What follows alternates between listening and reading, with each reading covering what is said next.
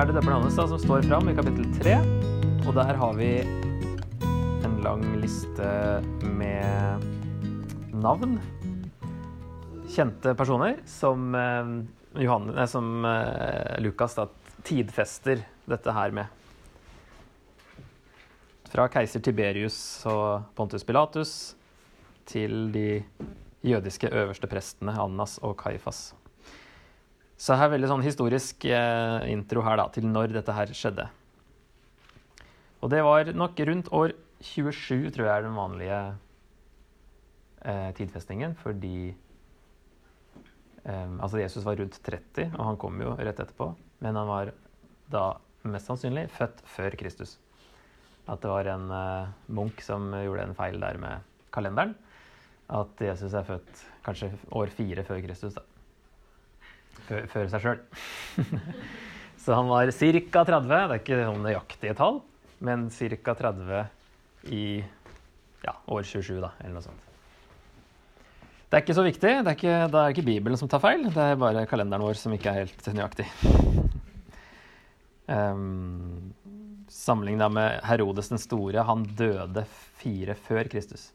Og han er jo han som prøver å drepe Jesus i Matteus. Og han er liksom død i år null, da. Så det er litt sånne ting som spiller inn.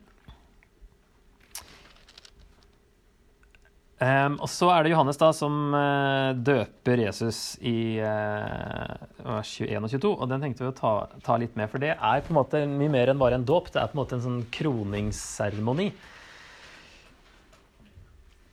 Um, der det står at uh, Jesus ble også døpt. Mens han sto og ba, åpnet himmelen seg. Den hellige ånd kom ned over ham i skikkelse av en due, og en røst lød fra himmelen. Du er min sønn, den elskede. I deg har jeg min glede. Så her kommer altså Den hellige ånd ned over ham. Det er jo det samme som skjer med David, f.eks., i 1. Samuel 16, 13. Og som var det liksom Når kongene ble salva, så fikk de liksom Den, den hellige ånd.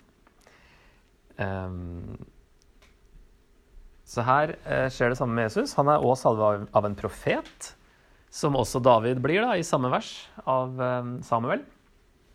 Her er døperen Johannes en profet. Han kalles en profet i et vers et sted som jeg ikke husker akkurat nå. Han skal være profet, står det.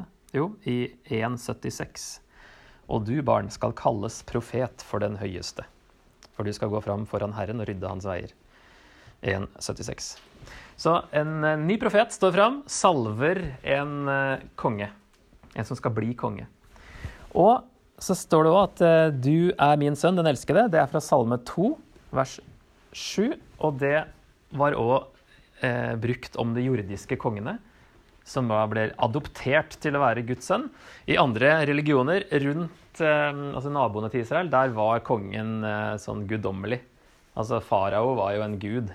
Og det var veldig vanlig da, å, å liksom se på kongen som noe guddommelig. I, I, Bibelen så blir de bare De er helt vanlige mennesker, men de blir adoptert av Gud til å være Guds sønn og får Guds ånd. Og er da Alle er messiaser. Alle er salvede. Men Jesus overgår det fordi han er Guds sønn på en helt ny måte. Men det er en uh, artig link der, da, egentlig til hvordan kongene kongen i Gammeltestamentet ble salva. Og krone, altså De hadde ikke kroner, ikke sant? vi kaller det kroningsseremoni, i anførselstegn, for det er jo en salving det, som skjer. De brukte ikke kroner. I hvert fall ikke i den seremonien.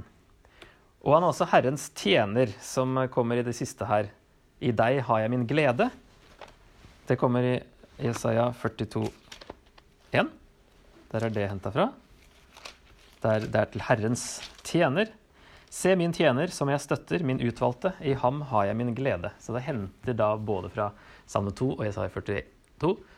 Um, bruker, altså Gud sier det om Jesus og liksom samler dette her. Han er både konge, han er min sønn på en helt ny måte, og han er også min tjener som skal gjøre uh, mitt verk. Jeg skal bare uh, ta slektstavla veldig kjapt. Uh, Jesus' slekt viser at han er den messianske kongen, siden han går via David bakover. Eh, som bringer Guds velsignelse. Det er altså tilbake til Abraham og løftet der. til alle mennesker, siden Jesus er Han drar den helt tilbake til Adam. Det som er annerledes da med Lukas altså Matteus stopper med Abraham fordi han er opptatt av det jødiske. Eh, mens eh, slektstavla hos Lukas går helt tilbake til Adam for å få inn det universelle. Guds rike er for alle. Jesus er alle menneskers frelser, ikke bare jødenes. Um, og så er det jo, står det 'sønn av Adam', 'sønn av Gud'. Så har vi jo liksom sånn at uh, Jesus er jo Guds sønn også. Men han er sønn av David fordi han er den messianske kongen. Sønn av Abraham fordi han eh, er denne velsignelsen fra lov til Abraham. Sønn av Adam fordi er, det gjelder alle mennesker. Og sønn av Gud fordi han er Guds sønn på en spesiell måte. Når det gjelder denne dåpen som skjer her, som bare er to vers da, i Lukas Den er litt lenger i Matteus, og der spør jo Johannes eh, hvorfor skal jeg døpe deg? Du burde døpe meg. Og så sier Jesus at eh, dette må vi gjøre for å oppfylle all rettferdighet. Um, så det er noe sånt som at han nok må identifisere seg med Eller på den måten her så identifiserer han seg med de israelittene som uh, omvender seg. Og sånn som uh, altså de som blir døpt av Johannes. Og er um, Altså han representerer jo Israel på en måte og er en såkalt personifisering av Israel. Israel i én person, som skal oppfylle hele Israels historie. Og da representeres liksom enda mer hvis han nå også blir døpt. Og så er det det bildet som vi så på med utgangen fra Egypt eh, og Sivsjøen der, vannet der, som da etter hvert Altså det er en kobling da til dåpen, vannet i dåpen, fordi frelsen ut fra Egypt pekte fram mot frelsen som Jesus kom med. Sånn at det er forbindelse med liksom utgang fra Egypt og dåp. Um, og her skjer jo det samme. altså her er det, I andre Mosebok er det utgangen fra Egypt gjennom havet. Og så er de i ørkenen i 40 år.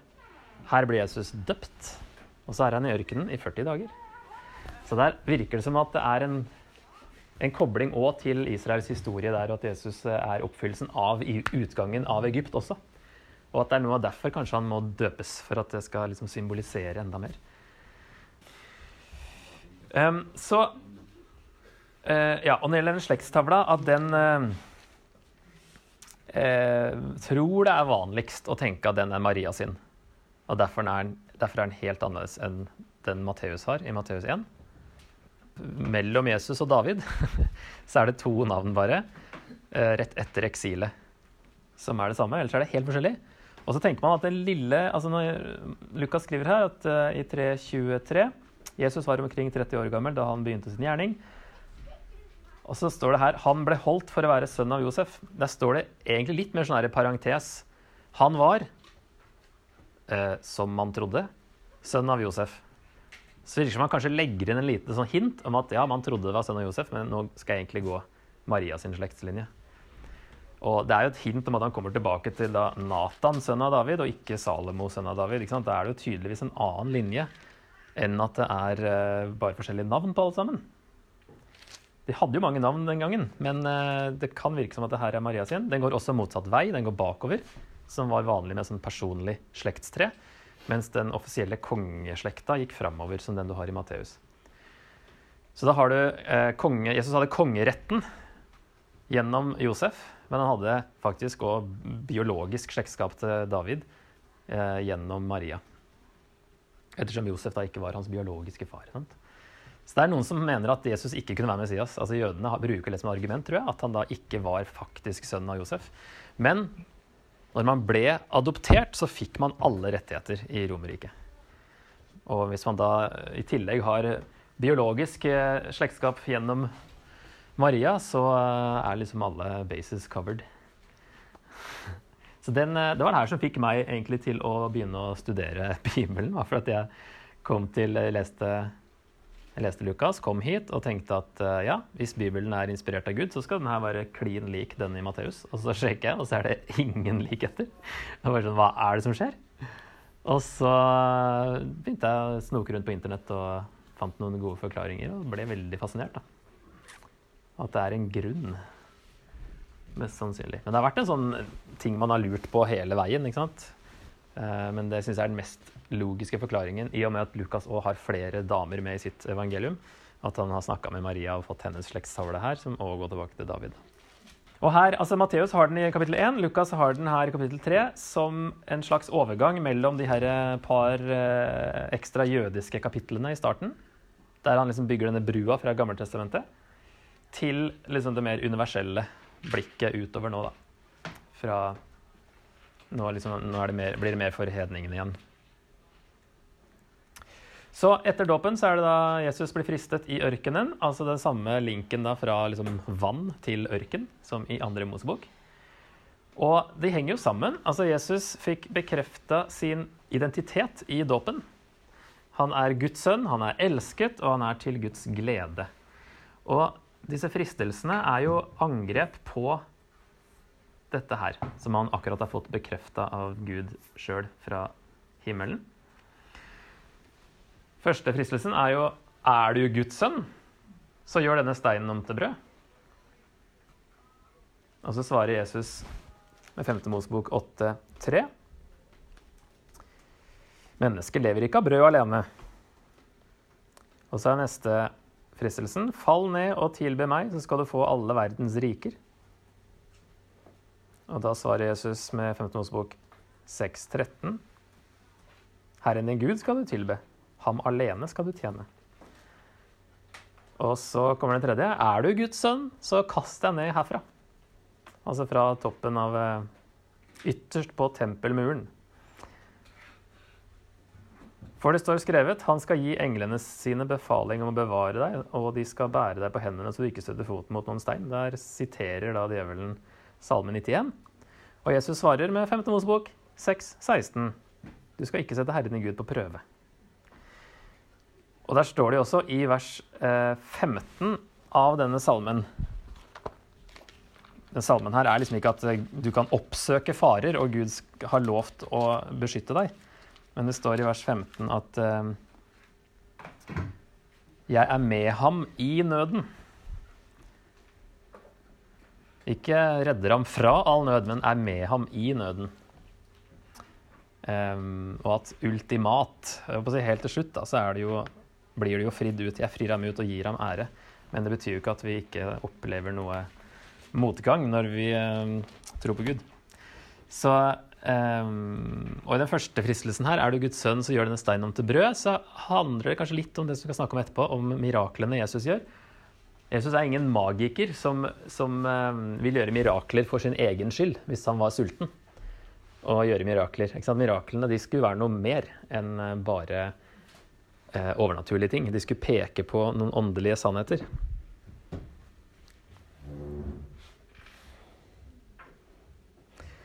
Alle de versene her, som dere ser, fra 5. Mosebok, så alle de er fra da Israel ble testet i ørkenen. Altså fra den ørkenperioden. Og vi har jo sett denne linken allerede. 40 år og 40 dager. Jesus bruker tekster fra denne ørkenperioden til Israel. Som da er på en måte da eh, Da blir det at Jesus oppfyller Israel. Han består denne testinga. Israelittene de eh, klagde fælt, og hele første generasjonen får jo ikke lov å komme inn i landet fordi de ikke, altså fordi de ikke besto denne testinga i ørkenen. Jesus klarer det, og oppfyller på en måte det. Og eh, er òg den nye Adam som står der hvor Adam falt, som vi så i slektstavla. Det går tilbake til Adam. Adam ble også frista og falt. Jesus kommer og retter opp igjen det, som eh, Paulus sier i Romerne 5. Um, og han oppfyller også Israels fristelse i ørkenen. Så det er liksom eh, litt sånne ting som vi kanskje ikke heller er vant til å se på når det gjelder den eh, ørkenfristelsen. At det ligger litt, litt, sånne teologiske sannheter bak her som vi ikke kanskje ser med en gang.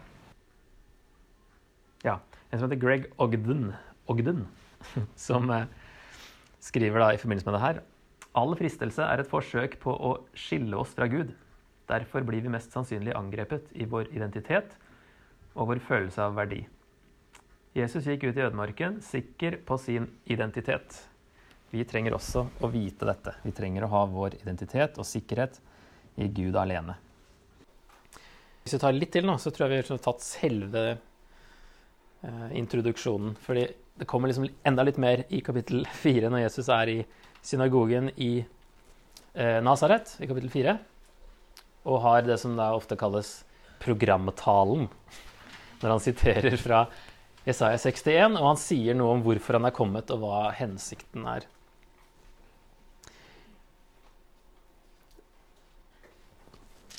Vi kan lese de versene. Det er jo for så vidt bare sitat da, fra Jesaja, men vi leser fra Lukas 4, fra vers 18. Herrens ånd er over meg, for han har salvet meg til å forkynne et godt budskap for fattige. Han har sendt meg for å rope ut at fanger skal få frihet og blinde få syn igjen, for å sette undertrykte fri og rope ut et nådens år fra Herren. Og så sier han etterpå da at uh, dette i dag er dette skriftordet blitt oppfylt mens dere hørte på. Og så er alle kjempefornøyd og litt forvirra, for dette er ikke det her Josefs sønn som sier sånne ting. Og så begynner Jesus å si at uh, hedningene kommer til å høre, dere kommer ikke til å høre. Bruker noen eksempler fra GT om at da Israel uh, Da Gud gikk utenfor Israel og gjorde mirakler fordi Israel var uh, helt på bærtur. Og så ender det med at de prøver å dytte den utfor et stup og steinen. Så veldig, det snur veldig fort om her. Så her, da. Når Jesus hva han sier her. For det første så går han til synagogen og viser jo at dette her er ikke noe nytt. Ikke sant? Dette er ikke noe brudd med jødedommen, men heller at troen på Jesus er sann jødedom. Det er ikke noe han går og starter en kirke. ikke sant? Han går til synagogen, og det handler om tempelet. Eh, det er en fortsettelse. Og så er det Den hellige ånd er blitt nevnt faktisk eh, en del ganger um, før dette. I 322 der når han blir eh, døpt, så kommer jo ånden ned. Og så står det 4.1.: Fylt av Den hellige ånd vendte han tilbake til Jordan. Drevet av ånden ble han ført omkring i ødemarken. Og så er det vers 14. I åndens kraft vendte Jesus tilbake til Galilea. Og så kommer han her og sier, 'Herrens ånd er over meg'. Og det er jo da Jesaja igjen, masse ting der som snakker om at eh, Messias han skulle komme med Guds ånd. Og det er kanskje det Lukas legger vekt på, da, at, eh, og Jesus også sier. Herrens ånd er over meg, jeg er Messias. Og det skjønner du ikke, for han er Josefs sønn. Han er jo i Nasaret, der alle kjenner han. Um, og blir avvist der, da. Men Jesus sier da hans oppgave det er å forkynne et godt budskap, som egentlig da er ordet evangeliet. I eldre oversettelser står det evangeliet. For fattige. og eh, rope ut at fanger skal få frihet og sette undertrykte fri. Dette er uttrykk som brukes om jubelåret. Er det noen som har hørt om det? Tredje Mosebok. Så snakkes det om jubelåret. Det var hvert 50. år som skulle være et sånt jubelår. Og da skulle man eh, gi tilbake Eller eh, altså gjeld skulle slettes, og eh, eiendom, altså jordeiendom, skulle komme tilbake til Eh, den familien som opprinnelig eide den, og eh, slaver ble satt fri, og sånne ting. Eh, ordet frihet kan òg bety tilgivelse, faktisk. Så når Jesus bruker det her, så han bruker liksom uttrykk fra jubelåret, og at nå det, det, pekte fram mot det her. Eh, og der også du har en, to meninger da, med frihet. At fanger skal få frihet. At fanger skal få tilgivelse. Åndelige fanger. Og det virker som han først og fremst snakker om åndelig undertrykkelse når han sier at det skal få eh, sette undertrykte fri. Eh, fordi det som skjer etterpå, er at han gjør mange fysiske under. Fra vers 31. En uh, mann som hadde en ond og uren ånd, står det. Og så er det svigermora til Peter.